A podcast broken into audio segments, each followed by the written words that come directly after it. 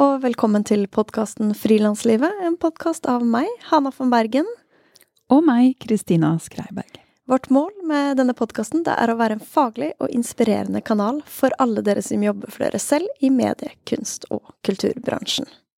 Akkurat nå så står vi overfor overgangen fra ferie til oppstart av jobbhøsten. Og slike overganger står man jo ofte ovenfor i frilanstilværelsen.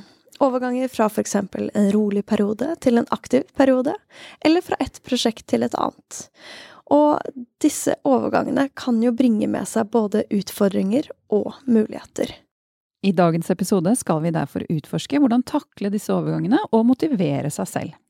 For selv om vi begge elsker jobben vår, så kan motivasjonen komme og gå. Og når det skjer, hvordan kan man finne frem lysten igjen? Hvordan skape fremdrift, finne tilbake til energien, bli inspirert og blomstre?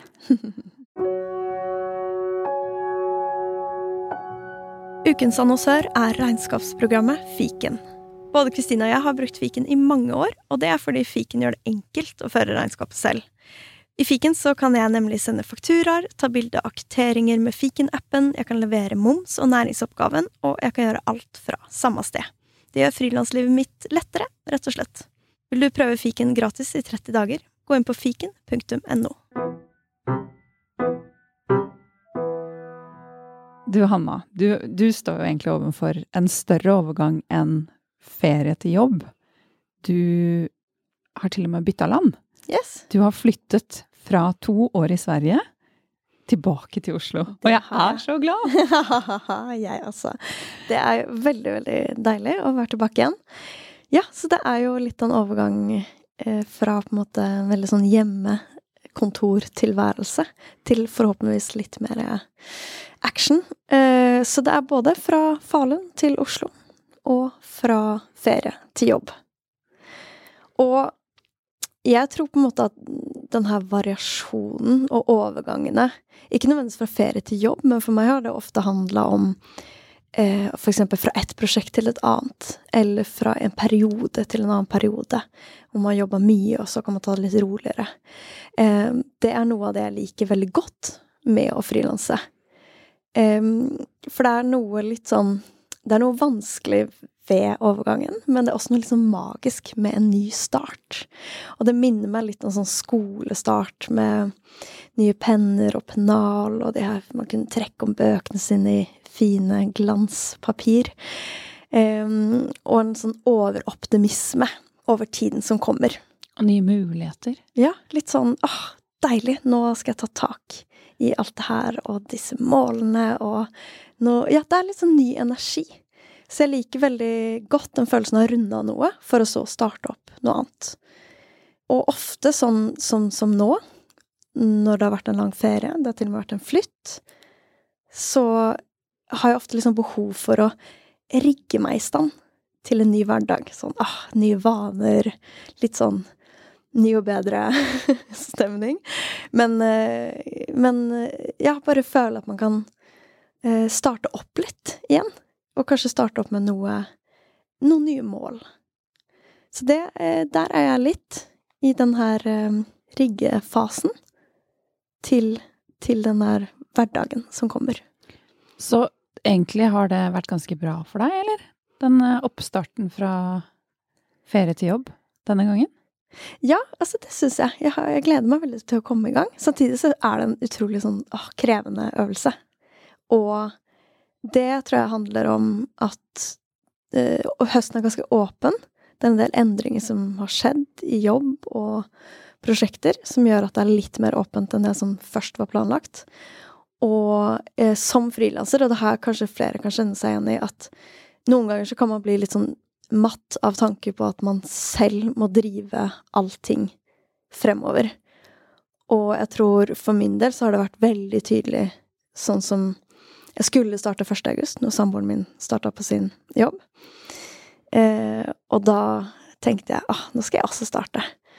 Og så var det helt sånn kaos hjemme. Vi hadde hatt, bare vært der to dager alene siden vi flytta inn. Det var liksom kasser overalt.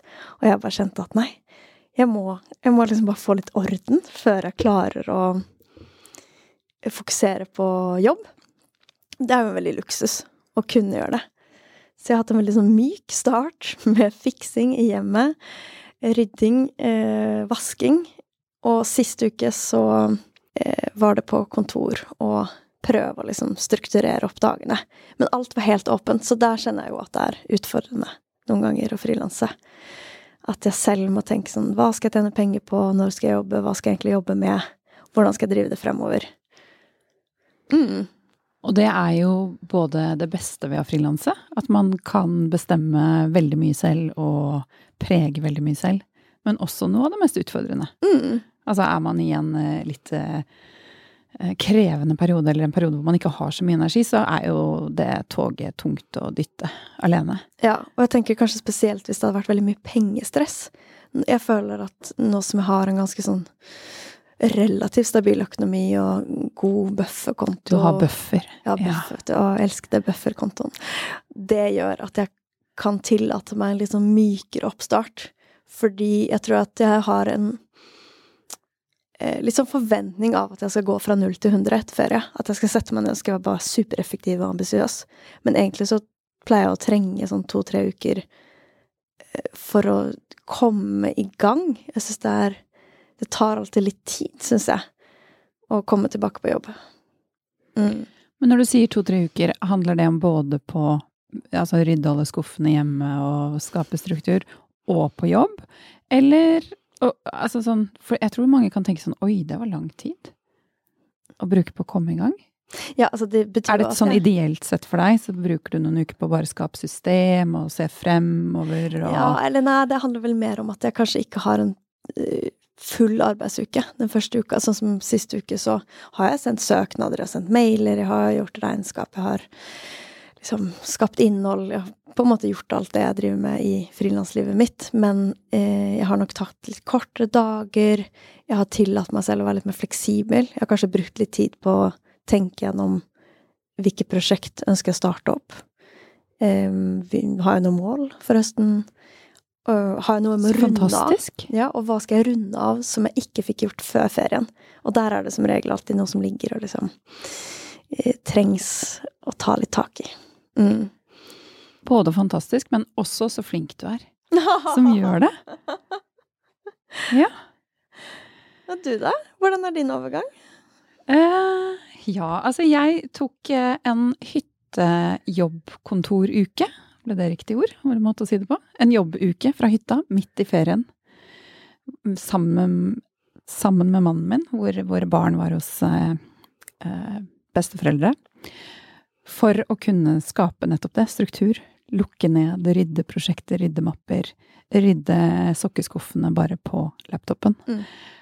Og det er jo også fordi jeg elsker det. Ja, det her var i juli, hvor det plutselig tikka igjen litt mail i min innboks. Ja, hvor det sto sånn 'Dette trenger, trenger ikke du å se på nå'. Jeg bare skriver det fordi det er nå jeg jobber, Ja. men ta det når du begynner å jobbe igjen. Um, så ja, for man vil jo ikke stresse andre selv om man jobber selv. Um, men det elsker jeg, å sitte og jobbe når ingen andre jobber, og få lov til å bare, ja, ha den rolige jobbtiden. Så jeg er helt enig i at jeg ideelt sett har noen uker til å bare få hjulene i gang, se fremover, plotte ut ting i kalenderen og ja, skape oversikt og en form for kontroll, da. Kontroll slash oversikt. Som jeg opplever at mitt frilansliv er mye bedre for meg når jeg har det, fremfor at jeg ikke helt vet hva som hva som kommer til å skje, og at jeg ja, ikke føler jeg har oversikt i frilanslivet mitt. Ja. Men jeg syns eh, det er først nå mot slutten av ferien at jeg kom inn i sånn god feriemodus. Det har tatt alltid så lang tid. Ja, det tar meg lang tid. Jeg bruker, og det eh, virker det som vi begge nå gjør, da, lang tid på overganger. Jeg bruker så lang tid å komme inn, og så så lang tid å komme ut av det igjen. Og jeg er, Jeg er så seig.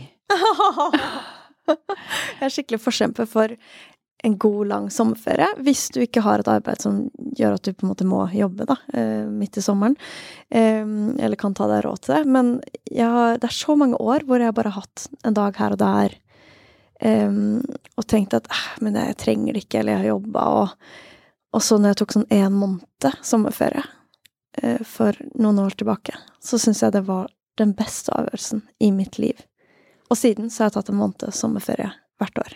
Selv om det krever flere uker å komme på beina igjen. Så Ja. For det, ja, det, det er jo jeg, Samme gjør jeg, altså. Men eh, ja, men det tar lang tid å komme tilbake. Men det jeg da har skjønt, det betyr jo da at ferien egentlig har funka. Mm. At man har, man har kommet inn i noe annet eh, som man vanligvis ikke er i. Man har fått en, eh, en annen ro eller andre tanker eller en annen puls i livet i den perioden man har vært borte. Og det har i hvert fall jeg veldig, veldig, veldig godt av. Så jeg tenker nå at eh, siden jeg er veldig seig nå, og selv om jeg elsker jobben min og har valgt eh, så å si alle tingene som skal skje de neste ukene, så syns jeg det er ganske hardt å komme tilbake. Og jeg er faktisk ikke så motivert. Men jeg tenker og sier til meg selv at det betyr at ferien funka. Mm. Ja, for det er sikkert mange Jeg tenker når man er frilanser og får lov eller har valgt å gjøre noe man kanskje brenner for, eh, så ligger det et lite, sånn, en liten forventning om at det skal være veldig givende å drive med det. Og da kan det oppleves litt eh, Kanskje litt sånn konfliktfylt. At det plutselig eh, ikke At jeg ikke er er takknemlig nok for at jeg sitter her med deg nå. Ja, eller at du ikke gleder deg. Ja, jeg gleder meg ikke i det hele tatt, Anna. Nei, men på vei hit så tenkte jeg litt sånn at nå må du, nå må du skjerpe deg litt. Altså, må du ikke drive og syte over at ferien er slutt, og at nå stakkars deg skal gå i studio og møte Hanna, og eh, ja, vi skal jobbe sammen i flere dager denne uka, og hallo, jeg er så utrolig heldig! Det er så mange som går på en jobb, har en eller annen fast jobb som de ikke syns er spesielt kul. Jeg har så utrolig mye fleksibilitet, spesielt i dette frilanslivet. Men det betyr ikke at alt er gøy hele tiden. Men allikevel en liten sånn vekker om at hallo, så, så deilig. Ja, jeg er helt enig. Eh, Ofte handler ting om perspektiv. Eh, At det er fort gjort å bli sånn bortskjemt, eller hvis man har det veldig rolig, så hvis det plutselig skjer mye, så kan det bli veldig stress, eller at det er, som du sa, da, at det, der med å ta et lite sånn steg tilbake og tenke herregud, få velge hva jeg skal jobbe med, hvordan jeg skal jobbe med det, hvem jeg skal jobbe med, eh, og jeg får skape mitt eget arbeidsliv. Det er jo egentlig helt fantastisk. Ja. Og det da du sa det handler om perspektiv, altså jeg bare jeg sitter og nikker og nikker og Mm. nikker. Ja. For det Ja. Det er fullstendig sant. Og noe annet vi har snakket om, det er jo at eh, man kan ikke Det erfarer vi gang på gang. Bare sitte og vente på at du bare skal få lyst til å gjøre alt det du har på blokka. Eh, for det er ikke alltid, selv om du elsker jobben din, at du har lyst. Men hvis man bare kaster seg ut i det, og det merket jeg her forleden, hvor jeg da egentlig ikke hadde så lyst til å jobbe den dagen. Jeg hadde lyst til å bare ligge i sola og lese bok en dag til. Så begynte jeg å jobbe, og så skrev jeg en mail til deg på slutten av dagen at herregud, det ble jo egentlig gøy. Nå begynner jeg å glede meg til alt det som skal skje denne høsten likevel. Så starten av dagen null lyst, og så begynner man, og så følger på en måte gleden på. Og Ja. kaster du deg i gang med en eller annen aktivitet, så skaper det aktivitet, og ja, putter du energien din inn i noe, så skaper det mer energi. Mm. Og det er så deilig å se. Ja, og sånn er det jo med veldig mange ting i livet, at uh, lysten kommer, følger etter. Og det er en ultraløper og podkaster som heter Rich Roll, som har et motto hvor han sier 'mood follows action'. Rich roll. Det er så bra.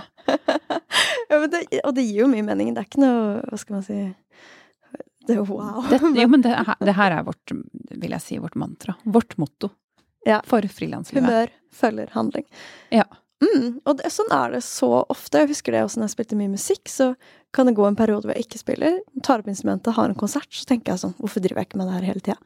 Eh, og litt det samme med uansett hva jeg driver med. Hvis vi har et foredrag, eller man har en gjest i studio, og så kan jeg alltid liksom være litt nervøs, kanskje grue meg litt når jeg gjør det, og etterpå så tenker jeg herregud, så gøy. Tenk Ja. at jeg får holde på med det her og lære av fantastiske mennesker som er superkloke. At jeg får stå på en scene og inspirere folk. At jeg får drive med det jeg driver med. Så Men eh, det er der å Ja, det krever handling, da, for å få at humøret skal følge etter. Ja. Og til og med før ferien så tenkte jeg åh, nå skal jeg gjerne bare jobbe ut noen måneder til. Jeg er ikke klar for ferie. jeg følte jeg hadde så mye jeg hadde lyst til å utrette. Ja, for du hadde veldig intens vår. Veldig intens vår, og jeg hadde fortsatt veldig mye uforløst som jeg bare kunne fortsatt med. Og så må man bare, hvis man har bestemt seg for å ha ferie, så må man bare stoppe et eller annet sted.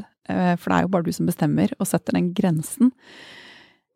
Så det ser jeg jo også, at det man er i, vil man ofte bare ha mer av. Eh, hvis det er bra, da. Ehm, så, så det er, ja, den overgangen som er utfordrende.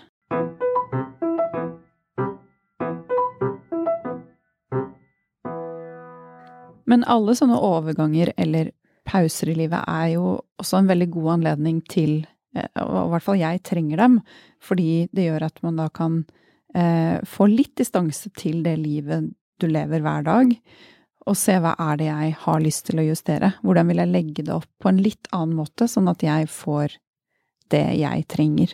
Mm. Og sånne overganger i livet, det kan jo være eh, ferie er jo en klassiker, eller lang ferie, men det kan jo også være det der å ta en pause fordi man drar ut og reiser i noen måneder, f.eks. Eller eh, man har vært sykemeldt, kanskje, i en lang periode, og, eller har hatt en knekk, da. Og det å komme tilbake da er ikke alltid så lett. Eller for eksempel, som er kanskje litt mer lystbetont, å være i permisjon, foreldrepermisjon, hvor man har en lang periode ute av sitt vanlige arbeidsliv. Og så komme tilbake da, det er en stor overgang. Og alt det der har jeg egentlig opplevd. Mm. Vært ute og reist, hatt en knekk, en knekk til. To mammapermisjoner. Ja. ja. Hva har du lært deg, Kristine, av disse her overgangene når det gjelder å holde motivasjonen oppe? Eh, må jeg bare tenke litt. Jeg kan si det, og jeg kan si det en gang til. Og hva har du lært deg, Kristine, av disse ulike overgangene når det gjelder å eh, Når det kommer til å motivere seg? Du sa det fint første gang òg. Mm. Eh, nå har dere hørt Hanna si presentere på to forskjellige måter. Hvordan egentlig motivere seg? Hvordan, hvordan How to be motivated. How, what did you learn? Three words. okay, I learned patience. Stamina and positivity. Positivity. Vi skal bare okay. gå over til en sånn uh, Slogan. Ja, slogan-podkast. Yeah. And mood follows action. Yeah, no. Wow, wow, that's yeah. so deep, man. okay, that's what I learned. Men hva, yeah. hvordan Hva jeg har lært? Ja, hva har du lært? Den tøffeste var nok eh, en periode jeg var sykemeldt i noen måneder, eh, hvor eh, Hvor det føltes så vanskelig å komme ut igjen, ut, ut, i verden. Og da måtte jeg bare si til meg selv at jeg må ta det ett steg av gangen. Én fin ting hver dag, og ikke tenke så mye på hvordan det kommer til å gå. Mm. Hvor fort det kommer til å gå, eller hvor lang tid det kommer til å ta. Og prøve å være fornøyd med de små stegene som gjorde at jeg fikk litt mer lyst for hver dag eller hver uke som gikk. Og så følger lysten gradvis etter, heldigvis. Etter mine permisjoner med barn så brukte jeg faktisk ganske Altså, jeg brukte tre-fire uker på å planlegge, bruke tid til å summe meg, sette meg på kontoret, plotte ut kalenderen, drømme litt, eh, rydde. Og det var eh, veldig bevisst. At jeg ikke jeg, sa, jeg ville ikke hoppe ut i noe, og jeg ville ha litt sånn den min egen tid. Og det var også veldig, veldig fint. Men som jeg nevnte i en eller annen episode, så hadde jeg før permisjonene mine sendt ut mail til nesten alle jeg jobber med, om at jeg tok permisjon. Sånn at jeg ikke hadde noens forventninger hengende over meg. Og så skrev jeg at jeg tar kontakt når jeg er tilbake. Og det var også veldig godt, så jeg følte ikke at nå må jeg komme på banen igjen. Jeg, liksom, jeg ga meg selv den tiden til å eh, ja, bruke tid og si fra når jeg var klar igjen. Mm.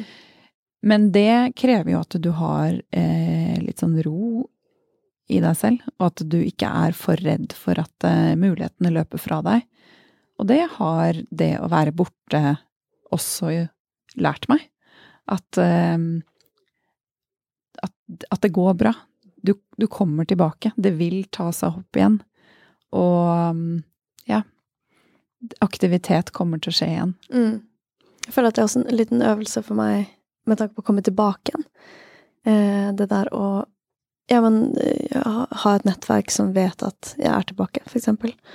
Eh, og kunne eh, det, det, handler veldig mye om strategi, syns jeg. Og kanskje spesielt når vi frilanser på den måten vi gjør, som er en blanding av egne prosjekter og oppdrag.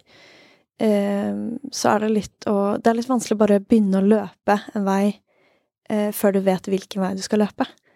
Eh, så det, det også handler om at jeg trenger liksom den starten på å eh, skjønne hvordan ser landskapet ut, hvilke veier kan jeg gå, hva eh, kan være lurt.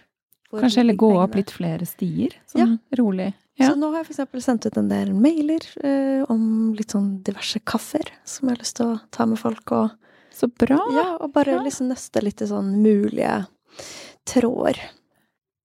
Jeg tenker ofte på liksom denne overgangen eh, som at det er på en måte et Litt et åpent hav. At du vet at det finnes liksom øyer med skatter på, men så finnes det også pirater og haier der ute. Og så føles det litt ut som at jeg må, jeg må bruke litt tid på å bygge liksom en litt sånn robust, robust båt før jeg kan liksom begi meg ut på seiltur. Så det Så nå er det litt sånn jeg har framme kikkerten og prøver å speide. Hvor, hvor er det jeg skal seile? Så det er sånn starten. Så fint bilde. Og samtidig, når man da er ute og seiler på dette noen ganger rolige og andre ganger stormfulle havet, så er det jo, eller har i hvert fall for meg, eh, vært viktig å allikevel ta turen til den øde øya iblant. For å kjenne på hva vil jeg, eller familien man er i, eller det man er i, ha akkurat nå, og tørre å bare la havet og alt det som skjer på havet, fare litt. Um, og du vil kunne komme tilbake til det, selv om du må på en måte navigere litt i ukjent farvann igjen. Mm. Dette ble et bra bilde. Nå er det bare Vi har ikke har vi, avtalt det på forhånd. Nei, har vi en frilansillustratør som kan bare legge inn litt sånn båt og hav nå? Ja, og ly lydbilde. Nei, for jeg tror det er viktig å nevne det med å, å dra til den øde øya iblant. Fordi jeg tror mange er redd for å gå glipp av alt som skjer på havet, og tenke at hvis jeg hopper av, hvis jeg blir syk, hvis jeg får barn, eh, vil jeg bli glemt, eller vil jeg miste evnene mine, vil jeg miste grepet, nettverket mitt, eh, ja. Men, men, prøv dere, og også tenk på hva du får på den øde øya. Og det her eh, er jo litt sånn Vi snakker litt om hvordan disse overgangene kan oppleves for vår del og hva som gjør det liksom tøft. Og det er jo flere ting som kan gjøre at motivasjonen kanskje er litt nede, og det er liksom hardt å komme tilbake. Det er også en liten endring det her med å bli eldre og ha frilans en del år. Fordi før så var jeg var bare liksom toppmotivert hele tida, og bare hadde sånn Jeg følte at jeg hadde uendelig energi. Jeg elska å jobbe. Kunne dra på kafé og jobbe elleve timer på en kafé og bare gønne på. Og det skjedde masse hele tida. Så jeg hadde liksom ikke tid til det der å stoppe opp, eller Det var liksom ikke så rolig noen gang. Og det er jo egentlig en sorg når den der, det drivet der dabber litt av. Ja, og bare shit, har jeg blitt uambisiøs? Hvor er energien min? Jeg må jobbe for å holde motivasjonen oppe. Hva, hva er det her for noe? men, men samtidig så har jeg jo en fantastisk eh, forhold til jobb, fritid, balanse. Eh, det der å liksom kjenne at jeg har 100% fri når jeg har fri. Altså, det er jo andre Alt det andre du har fått, ja. men som ikke kanskje syns så godt, da, på en måte. Altså, det man gjør i jobb, det er jo veldig mye mer målbart enn den verdiskapingen man får gjennom fritiden sin. Ja, absolutt. Og så det, Jeg har det jo veld, det er veldig mye mer bærekraftig nå. Og jeg har det mye bedre sånn som jeg har det nå. Eh, men jeg kan savne det litt. Den der intense eh, driven og energien. Mm. Eh, men for min del så er det den der Det er en liten øvelse å finne en, en mellomting, da. Mm. Og den eh, Jeg har nå to barn, begge går på skole. Jeg er 41, så jeg er helt enig i Hanna. Og det blir bare verre, holdt jeg på å si. Nei, men det, det Til slutt bare Vi trenger åtte uker myk oppstart. ja. Nei, men eh, Det tror jeg man hel, vil jobbe med hele veien. Å finne balansen Mm. mellom alle sine behov. Og de endrer seg jo stadig, og det er fortsatt noe jeg kan savne veldig. Den, det bare suget etter å jobbe, og det å være i flow, som man så fint kaller det. I flytsonen hvor tiden bare går, og du har tid til å være i det så lenge du vil, egentlig. Og energien.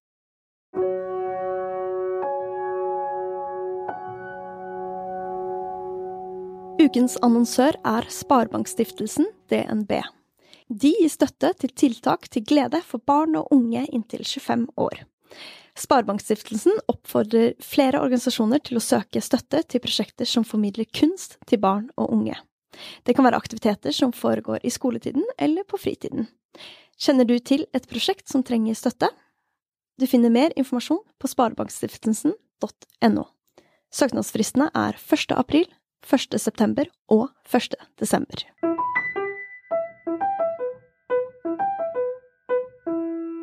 Men Kristina, hvis vi skal prøve å gi noen sånn konkrete tips til eh, hvordan motivere seg Og det kan jo være kanskje litt spesielt ved en overgang, som, som vi har snakka om.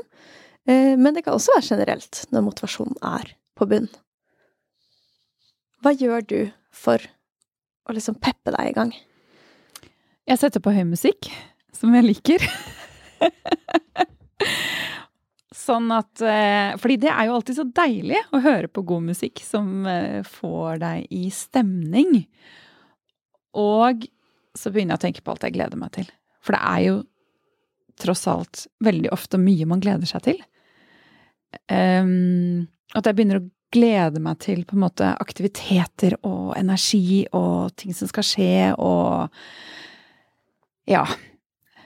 Og ikke tenke så mye på hvordan man skal få det til. Um, men For jeg merker at hvis man bare At sånne, det å starte kan virke så, virke så stort og altomfattende. Og når man bare gjør det, så Tanken på det er jo ofte så mye verre enn det å bare sette i gang og gjøre det. Så jeg prøver å komme litt i modus, glede meg litt, og så begynner jeg på to do-lista. Og så kommer gleden og energien som regel etter. Og hvor hardt jeg går til verks med den to do-lista, kommer an på hvor jeg er en energimessig. Kommer det fra at du har vært eh, syk, eller liksom vært i et eller annet krevende, så starter jeg lavt. Lavt ambisjonsnivå, eller lave forventninger til meg selv. Har jeg masse energi, så kan jeg sette den Så kan jeg la lista være lenger, da. Jeg prøver også å tenke på hva er det jeg gleder meg til med det prosjektet. Altså hvorfor har jeg sagt ja til det i utgangspunktet, selv om jeg kanskje ikke har lyst til det akkurat nå? Og det er jo ikke alt man har sagt ja til som man egentlig har så lyst til å gjøre, men det kanskje leder deg til noe du har lyst til, og prøve å løfte blikket litt og tenke på det som gjør eh, Altså den lange linjen i det, det som gjør at du faktisk har At du vil det. For det kan motivere meg til å, til å faktisk gjøre det, fordi det, det leder meg til det andre, da. Mm, ja. Eller ja. Ja, det er veldig smart. Min uh, typen min han sier når vi, hvis vi er ute og løper, og har liksom løper en bakke og er sånn skikkelig andpusten og syns det bare er slit og vondt, og, og da sier han liksom Det er jo det her som er liksom Det er nå du bygger liksom muskler, det er nå du skaper liksom Det er nå du gir det kroppen vil ha, da. Eh, fordi hvis du alltid bare er på sånn superkomfortabelt nivå, så skjer du heller ingenting. Så liksom den smerten du kjenner på, er det som er utviklende, og det som gir deg masse. Så han har veldig sånn positivt forhold til den delen av trening. Og det syns jeg er ganske sånn motiverende. Og på en måte så syns jeg det er litt interessant å prøve å overføre det til, til jobb. ja, for det er jo mange som kunne sagt sånn Å, men tenk hvordan du føler deg etterpå. Eh, men det er jo bra at han Han motiverer deg i det som faktisk er den kjipe biten ved treningen. Mm. Og sånn tenker jeg litt når man sitter og skriver søknader, for eksempel, for det har jeg gjort veldig mye i år, og som kanskje er Det er ikke det mest lystbetonte, spennende, givende arbeidet. kanskje noen syns det. Eh, men da prøver jeg å tenke også at hvis denne søknaden får tilsagn, altså hvis vi får penger, så har det så utrolig mye å si. At liksom den, det arbeidet man legger inn nå, kan potensielt gi utrolig mye om fire måneder. Det er veldig sånn Det er motiverende. Så det handler litt om å finne den lille gullstjerna som man sikter opp mot. Helt klart.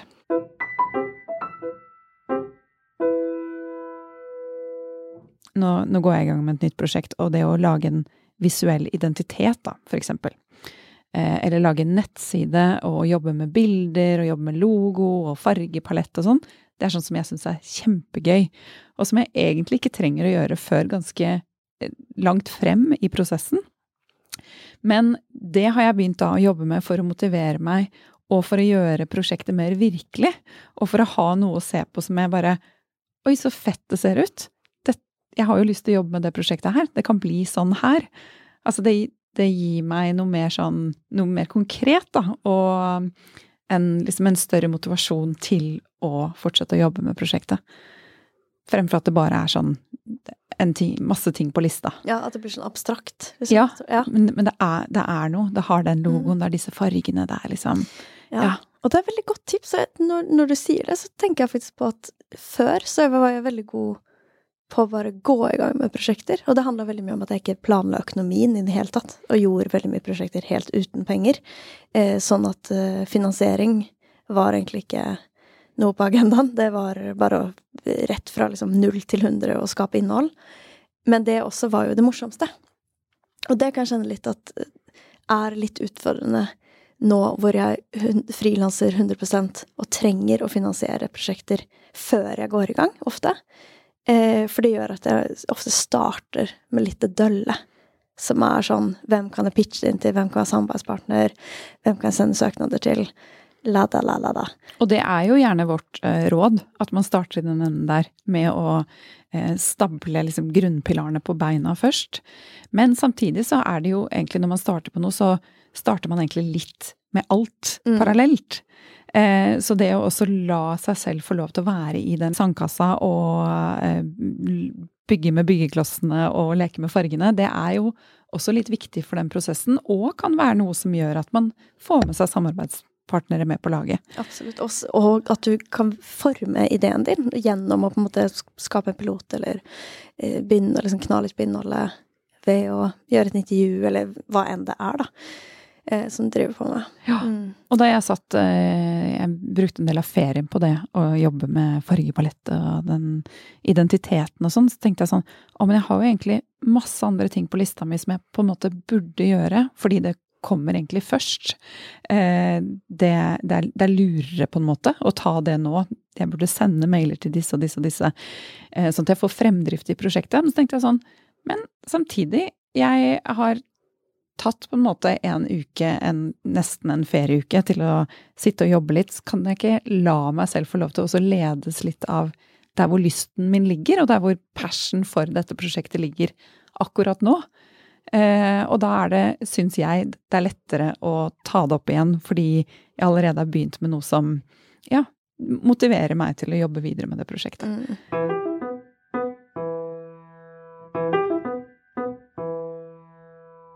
Har eh, noen konkrete ting som jeg gjør.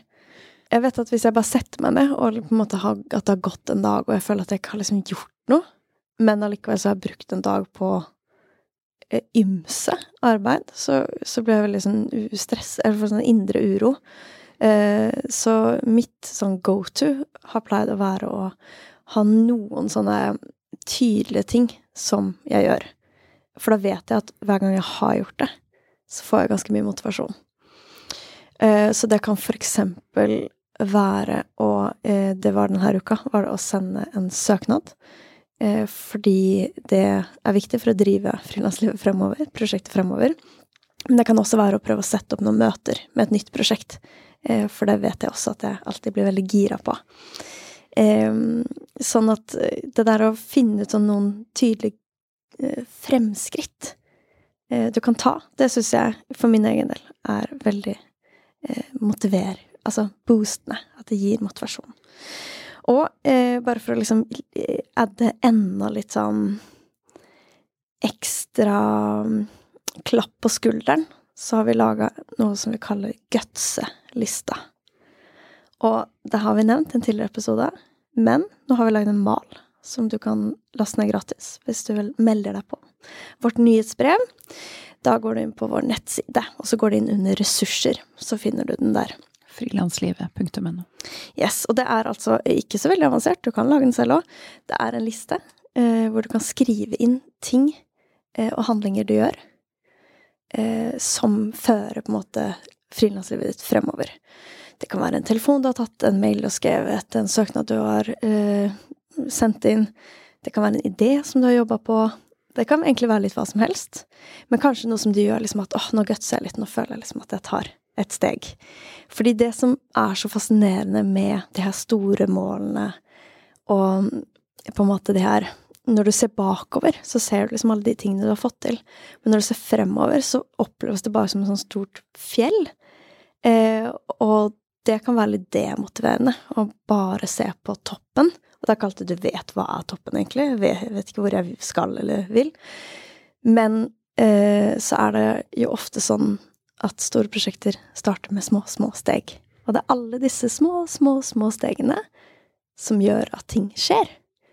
Eh, og det syns jeg alltid er veldig fascinerende, fordi de føles så ubetydelige ut, og som at det virkelig ikke driver noe framover. Eh, men det er Du vet aldri på en måte om det er den, det møtet, eller den søknaden, som var det som gjorde at det liksom kickstarta, eller fikk ting til å eh, få fremdrift, da. Så eh, derfor skriver jeg ned i gutselista, så kan jeg liksom se tilbake. Shit, det her er jo alle disse stegene, og det er veldig kult å se at eh, de skjer. Og så tenker jeg at det er viktig å motivere seg, ikke bare på resultatene som man oppnår, men også alle gutse eh, tingene, stegene, eh, du gjør. Ja, og når man så fyller inn den gutselista, så eh, den blir jo etter hvert så gjør man jo en del av de tingene, men så fyller man på flere ting som man skal gutse og få gjort. Og egentlig så burde man jo bare printe ut alle de ting Altså alle listene etter hvert som du gjør de, og bare se volumet av hva man faktisk gjør. Fordi det ligger jo så mye arbeid bak, og det kan være ganske motiverende å se. Ok, det er ganske mye man har foran seg, men tenk alt man faktisk har gjort. Mm. Noen ganger blir jeg litt sånn lei meg for at jeg ikke ser på alle de eh, ja, gjennomførte listene mine. at jeg Ja. Fordi for et volum av arbeid som vi hele tiden gjør. Ja, virkelig. Og en ting jeg vil nevne også under konkrete tips for hvordan motivere seg, og kanskje spesielt sånn tilbake fra ferie, starte jobb, det er å ha litt struktur på hverdagen. Du kan plotte inn eh, ting i kalenderen. Eh, det syns jeg har vært en veldig god hjelp for min del.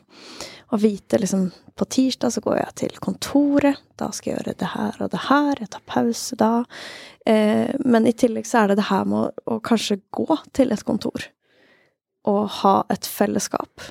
Eh, så hvis du ikke har noen kollegaer, eksempel, kanskje du kan invitere til en frokostkaffe med en annen frilanser. Kanskje du kan gå til et felleskontor. Eh, hva enn. Eh, prøve å ha noen rammer. Det syns jeg i hvert fall hjelper veldig når alt annet flyter, og kanskje spesielt sånn i starten, når du selv må dra deg i nakken og liksom eh, drive ting fremover og skape alt av innhold. Så litt ytre struktur. På torsdager så underviser jeg yoga på Factory Tøyen. Og alle som har gått på yogaen, de kan komme og tilbringe dagen i kontorlandskapet der. Gratis. Og der sitter også vi. Mm. Så kom og si hei. Kom og si hei. Det mm. håper jeg kan være litt motiverende.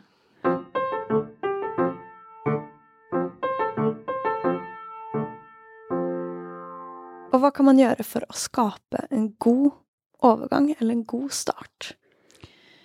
Altså, jeg, som vi nevnte, liker dem best når jeg får tid og kan skape myke, gode overganger.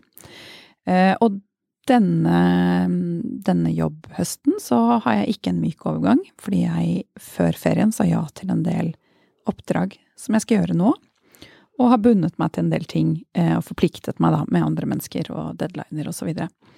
så det ble en veldig brå overgang.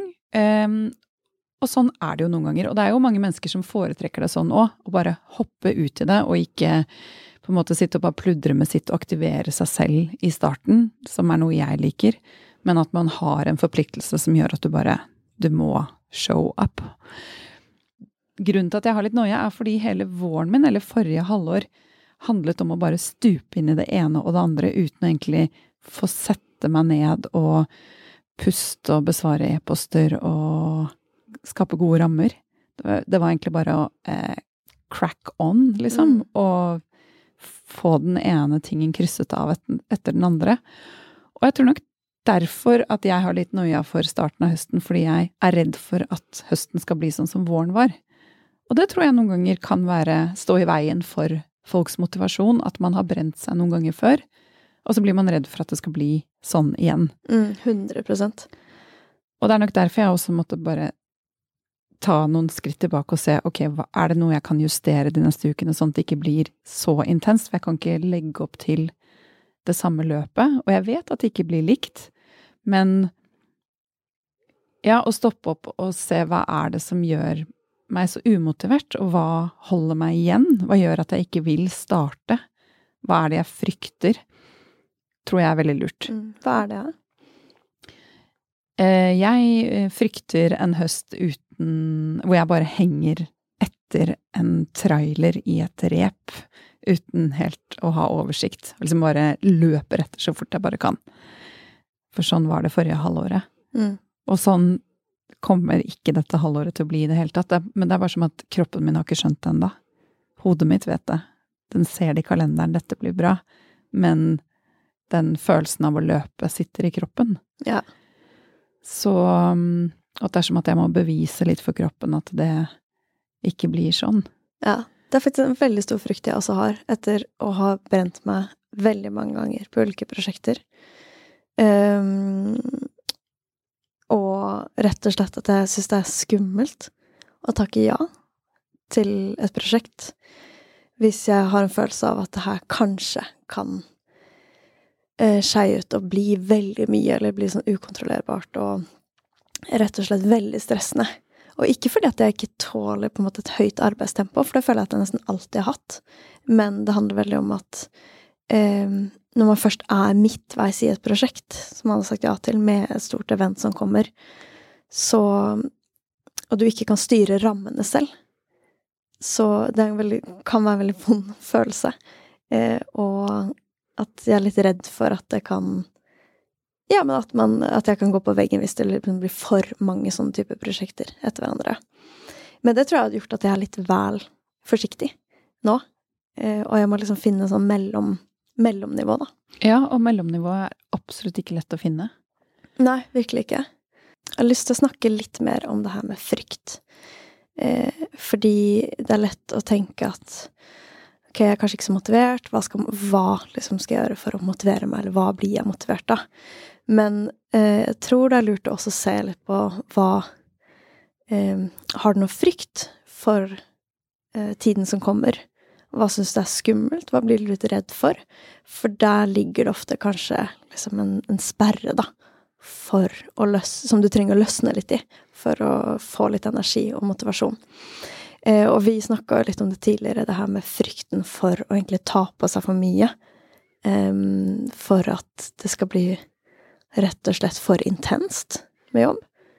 Eh, og det er kanskje flere som kjenner seg igjen i. Jeg tror også det her frykten for å feile er veldig stor. At det er skummelt å gå i gang. Kanskje du har en idé, men så er det så skummelt å begynne å sende den ut til folk, eller invitere noen med, eller begynne å jobbe med den, fordi du er rett og slett redd for at det ikke kommer til å gå. Ja, jeg, jeg nevnte det jo litt med tanke på frilanshverdagen nå i høst, men jeg har det også med dette prosjektet som jeg nå har så vidt snakket litt om, hvor jeg har eh, lekt med identiteten og sånn i Sandkassa, eh, som jeg har gått og tenkt på i omtrent to år. Og jeg har jobbet med det, men jeg har ikke tatt steget ut og snakket om sånn hva det egentlig er, og vist det til noen og ja. Så det er, det er, ikke, det er ikke, så veldig virkelig ennå. Og det handler mye om min frykt. Og det er frykten for mange ting. Det ene er nok litt frykten for å feile. Og jeg Fordi jeg hele tiden finner ting som jeg ikke er god nok på. Som jeg forteller meg selv. Og jeg kan ikke nok om dette. Jeg må lære mer om dette før jeg kan gå i gang. Så jeg bare driver og ser etter mer og mer kunnskap og kurs og bøker og ting jeg må lære meg. Du bare bygger den båten. Bygge, bygge, bygge. Bygge, bygge, bygge, bygge, bygge. Og kanskje jeg skaffer meg Kanskje jeg bygger en båt jeg ikke engang trenger. Fremfor at jeg går i gang, og så ser jeg Oi, dette må jeg kunne for å fortsette å lære underveis. Så det vet jeg. Dette er bare en forsvarsmekanisme. At jeg driver og bygger og bygger før jeg nå bare tør å hoppe ut i det. Og en annen ting er en frykt for at det eh, høres rart ut, at det skal gå for bra, men på et vis. At det Så ene frykt for å feile, den andre for at det skal gå for bra. Veldig slitsomt å ha begge de to gående. ja. Nei, men eh, eh, Eller at det skal bli for stort arbeidspress. At, ja. jeg, at jeg, hopper ut i noe eh, og setter meg på en karusell jeg ikke kan stoppe. Og det er jo egentlig at det skal gå for bra. Mm. Eh, og at jeg selv mister litt kontrollen på det, og at jeg trenger kanskje flere som er involvert i prosjektet, og at jeg eh, tror at det da kanskje blir en periode med lite kontroll og mye jobbing i en overgangsfase som jeg ikke er helt klar for. Mm. Jeg tror at jeg også går på Jeg går med en sånn frykt for at um, At det skal ende opp med å ikke bli betalt. og det tror jeg er fordi jeg har gjort så mange prosjekter uten noe særlig lønn. Og så har jeg masse ideer som jeg har kjempelyst til å gå i gang med. Eh, men så er jeg litt redd for å kaste meg litt for liksom dypt uti dem. Eh, fordi at da eh, ruller det og går, og da kanskje det er vanskelig å få det finansiert. Og så ender jeg opp med å gjøre innholdet, og kanskje det blir bra, men så sitter jeg igjen med en veldig lav lønn, eh, som gjør at jeg må på en måte kompensere med andre prosjekter eller oppdrag. og så blir det en sånn litt dårlig sirkel. Så det tror jeg faktisk er en sånn frykt jeg har, er den der eh, liksom mangelen på finansiering. Og det er jo fordi du har opplevd det flere ganger ja, før. og jeg vet hva slags senskade det kan gi. Ja. Bør jeg si noe smart til deg nå da, eller? Nei. ja takk, gjerne. Hva vil du høre? Ja. Jeg vil høre noen motiverende ord. Ja, hvordan jeg kan motivere meg. Ikke sant. Um, mm. Du kan tjene penger på det. Nå da. Yes. Nei, men det, den her frykten, og kanskje den læringen, eller det å ha vært gjennom det såpass mange ganger, gjør jo at jeg blir bedre og bedre på å faktisk eh, finansiere egne prosjekter. Og når man starter noe, så innebærer det jo alltid en viss risiko for at eh, man legger ned en del tid. Og etter hvert så blir den kanskje betalt, mm. hvis man eh, hele tiden er bevisst på å jobbe for det. Eh, men det kan jo også være at man legger prosjektet fra seg, så det er jo risikofylt. Men jeg tror jo det å være bevisst på det gjør at man på en måte hele tiden finner ut hvordan man kan eh, Hvordan man kan tilrettelegge for at det, man minsker den risikoen. Mm. Så bare den bevisstgjøringen er nok veldig sunn, men så håper jeg jo at vi likevel siden vi er noen brente barn, noen brente frilansere, at vi tør å hoppe ut i ting igjen. Mm. Som vi innerst inne kanskje har veldig lyst til å gjøre. Absolutt. Og jeg koser meg veldig med å visualisere ting som jeg har lyst til å gjøre. At jeg eh, lukker øynene, eller går og dagdrømmer litt, og bare ser for meg en sånn å, kanskje det blir sånn eller sånn, og så kanskje dette skjer, og det ville vært gøy, og hvor jeg lar tankene få lov til å liksom bare hoppe litt rundt uten at jeg skal slå dem ned, mm. og tenke Eller og si at nei, men det kan bli sånn, eller det kommer ikke til å gå, eller du har ikke penger til det, eller du har ikke tid til det, eller Men fordi da får man på en måte litt sånn grep om hvorfor er det jeg vil det her, og hvordan eh, vil jeg ha det ideelt sett i det prosjektet, eller i jobben min, eller Ja. Og det er eh, Det er noe man kan ja, gå litt tilbake til hvordan man kanskje var litt som barn, da, hvor man tillater seg å drømme om fremtiden og ha tid til å bare la tankene svirre litt. For jeg tror at når man gjør det, så merker man det lettere i kroppen og magefølelsen sin at å, er jeg i kontakt med det som jeg drømte om at det skulle bli, og som jeg ville at det skulle bli, eller er jeg veldig langt unna det? Mm. Og alle ideer vi får, de starter jo i hodet vårt. Hæ? Ja. da, da, da, da. Did you know? Ja. Og Nei, men noen ganger kan man tenke litt sånn Visualisere og drømme og tenke på det du vil og Men det å legge tydelige planer og legge en strategi og eh, gå en vei, det blir så mye lettere hvis du først har liksom tenkt det ut oppe i toppen. Og fordi det er der det er der alle ideene starter. Mm. So let your uh, thoughts free. Slipp hodet fritt. Slipp hodet fritt. Ja.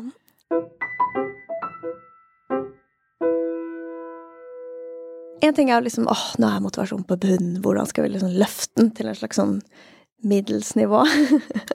Men hvordan skal man ta det fra middelsnivå til å virkelig blomstre? Jeg tenker litt sånn, hvis man har tenkt på øyeblikk når man frilansa som, som var liksom eh, euforisk, Ja. og kanskje liksom kjent som Når får du sånne øyeblikk?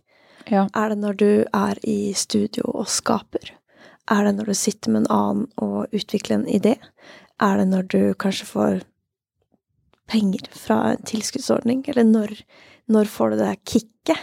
Og jeg har liksom prøvd å tenke liksom hvilken del av som gir meg litt sånn lykkefølelse. Når man kjenner at det er liksom magi i Mm. frilanslivet sitt. Mm. Og jeg tror for min del så er det sånn et perfekt frilansliv er når kan eh, Når det er veldig variert, og det er veldig sosialt. Jeg kanskje har mye eh, Mange folk jeg møter, og at jeg kanskje jobber mot eh, et event, og at det er litt sånn tydelig eh, Jeg vet ikke at det, skje, at det skjer litt ting, da. At det ikke er Jeg vet ikke at det er litt sånn kjapt. Um, og det kan jo være at jeg jobber på flere prosjekter samtidig. Det er ofte en ting som jeg syns er veldig gøy. At jeg kan veksle. Og det her med å komme på nye ideer. Altså, det syns jeg er så fantastisk gøy å få jobbe med å skape noe nytt. Og jeg har flere prosjekter som jeg tenker på nå, som jeg har så lyst til at en stor kunde skal bare si sånn Ja, jeg gir deg masse penger, bare gå ut og gjør det. Og så vil jeg finne et lite team som jeg kan gjøre det sammen med. Se, der har du ideen i hodet. Ja, Det er en form for visualisering du holder på med nå. det er sant. Mm. Ja. Og du høres motivert ut. Det er jeg. Du gleder deg. Ja. Hva, Og du kommer til å få penger for prosjektet, så du ikke gjør det gratis. Masse penger. Om ikke med en gang, så etter hvert. Men øh, det, det var med deg, Kristina. Når, når kjenner du at du blomstrer? Ja, det er litt sånn, det høres veldig var kleint Når er det magisk? Ja. Ja. Når det er magisk for meg, det er um, også når jeg har stor variasjon. Og Men at det ikke går på akkord med balansen i livet. At jeg, jeg, jeg sover godt, jeg har tid til barna mine, jeg får sett venner, jeg får eh, beveget meg eh, liksom, Eller vært fysisk aktiv også. Men eh, det er eh, Jeg kan føle meg veldig sånn fylt og tilfredsstilt av jobben min når jeg føler at jeg både lærer noe nytt, at jeg er liksom litt utfordret i jobben, men at jeg også får god nok tid til å utføre oppgavene sånn at jeg føler at jeg gjør det bra. At jeg føler meg god. At, eh, at jeg kan iblant kjenne på den sånn Og det, dette ble bra. Nå Dette mestret jeg i dag. Og kanskje mestret, mestret jeg det ikke for vet ikke, en tid tilbake. Sånn at jeg, jeg kjenner på på en måte en egen utvikling. Mm. Det nyter jeg veldig. Og at det kan være en At det er noe Ikke hele tiden nye ting, men at jeg at det er utviklende. Det har mye å si for meg. Og at jeg ja, kjenner på en sånn community-følelse. At jeg har folk rundt meg, at vi vil hverandre vel, og vi ja, deler av eh, kunnskap til hverandre, og at jeg møter mennesker i hverdagen min. Det Og det må man jo som frilanser ofte skape selv. At eh, det å frilanse innebærer å skape veldig mye av de rammene selv. Men eh, de kan man skape. Og det er så gøy når man skaper de. Og det gir så mye ja, verdi inn i frilanslivet. Hvis, hvis, det er det en ønsker, da. Så kan det være helt andre ting for andre. Mm. Ja, så virkelig, ja. Kjenne etter hva Når, når kjente jeg på magien? Og hva, hva kan jeg gjøre for å få den Tilføre mer av det? Ja. Ja. Og jeg tror også å være takknemlig for det som er bra i livet og frilanslivet ditt. Som da jeg gikk hit i dag og, måtte ta meg litt sammen og kjenne på Men herregud, alt jeg er takknemlig for. At det, at, at det er. Og ja, for det kan være så sjukt kult å jobbe som frilanser. Jeg ville, jeg ville ikke gjort noe annet enn å ha den arbeidsformen. Deilig. Ja. ja. Så håper ja. vi dere, kjære frilansere, går altså deres overgang godt i møte. Og går litt inn i dere selv. Kjenner etter. Kanskje noen av de tingene som funker for oss, funker for dere. Eh, last ned gutselista og pepp deg selv litt ekstra opp. Og Sett på musikk. Ja, dans. Dans rundt i rommet. Bygg båten din og begi deg ut på seiltur. God tur. Ha det.